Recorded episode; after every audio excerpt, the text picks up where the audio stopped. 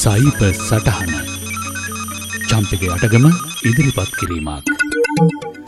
මීට අවුරුද්ධකට විතර කලින් ඔස්ට්‍රේලියාව නවසීලන්තය සහ බ්‍රතාානය රටවල් කේන්ද්‍ර කරගෙන තරුණ දරුවන්ගේ ඩිජිටල් භාවිතාව සම්බන්ධීතා වැදගත් සමීක්ෂණයක් පැවැත්තුවා.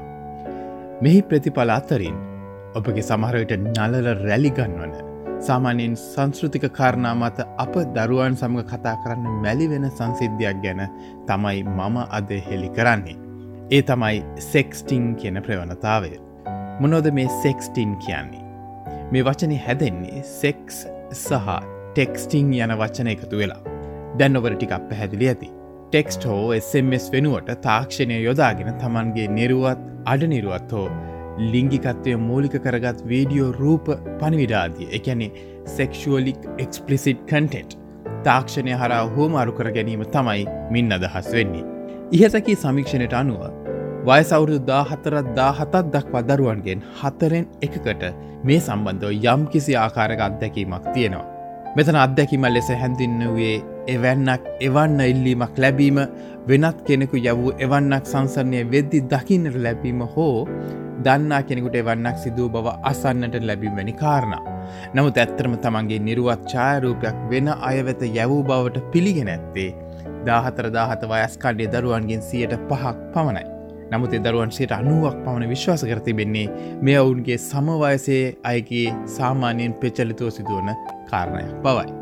මෙහි භයානක් කාරණාවත් එය. මේ ප්‍රවණතාවේ අවධානව ගැන සහ ඉන්න ඔවුන්ගේ ජීවිතයට දිගු කාලිනෝ විය හැකි බලපෑම ගැන ඔවුන්ව දැනුවත් කළ යුතු වන්නේ ඒ නිසයි. නීති මේ පැත්තිෙන් ගත්තොත් වයස අවුරුදු දහ අටට අඩු කෙනෙක්ගේ නිරුවත් රූප හෝ වීඩියෝ කෙනෙක් සන්තකය තබා ගැනීම වැටෙන්නේ චයිල් පෝනෝග්‍රොෆියාශ්‍රිත අපරාධයක් විදියට බාලවයස්කාරයෙක් වුණත් ඉන් ගැලවීමක් නැහැ. නෛතිකමය කාරණා පැත්තකින් තිබ්බත් සයිභාවකාශය හරහා මෙවැන්නක් මුදාහැරයාට පසුව එය ප්‍රතිනිර්මාණය වෙමින් නැවත නැවත අන්න අතර යනක පාලනය කිරීම කළ නොහැක්කා. එවැනි රූප ආදිය යොදා ගැනමින් අන්තර්ජාලය හරහා එට ගොදුරුවන්ට නිරන්තරයෙන් අපහාස උපහාස විදින්නට සිදුවෙනවා. මේ හඳුන්වනේ ඉමේජ් පේස්ට් ඇබියස් නමින්.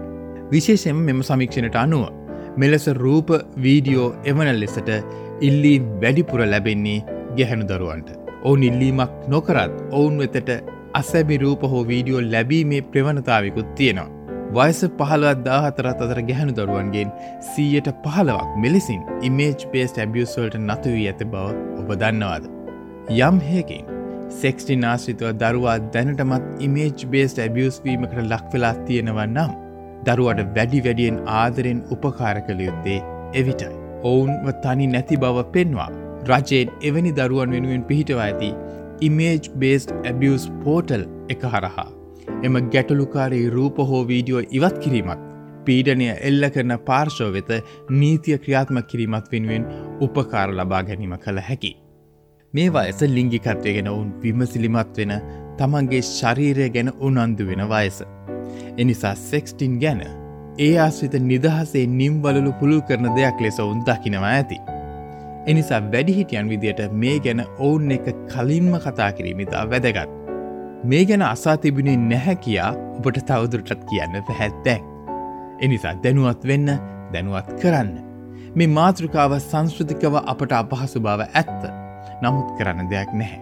කාලයත් තාක්ෂණයන් අපට බල කර මතක් කරනවා තරුණ වයසේ දරුවන් එක මේ කතිකාව අදදිනේ අප කළ යුතුම බව. අදත් ඔබට සයිබුස්තහන ගෙනා මම චම්පික යරකම්.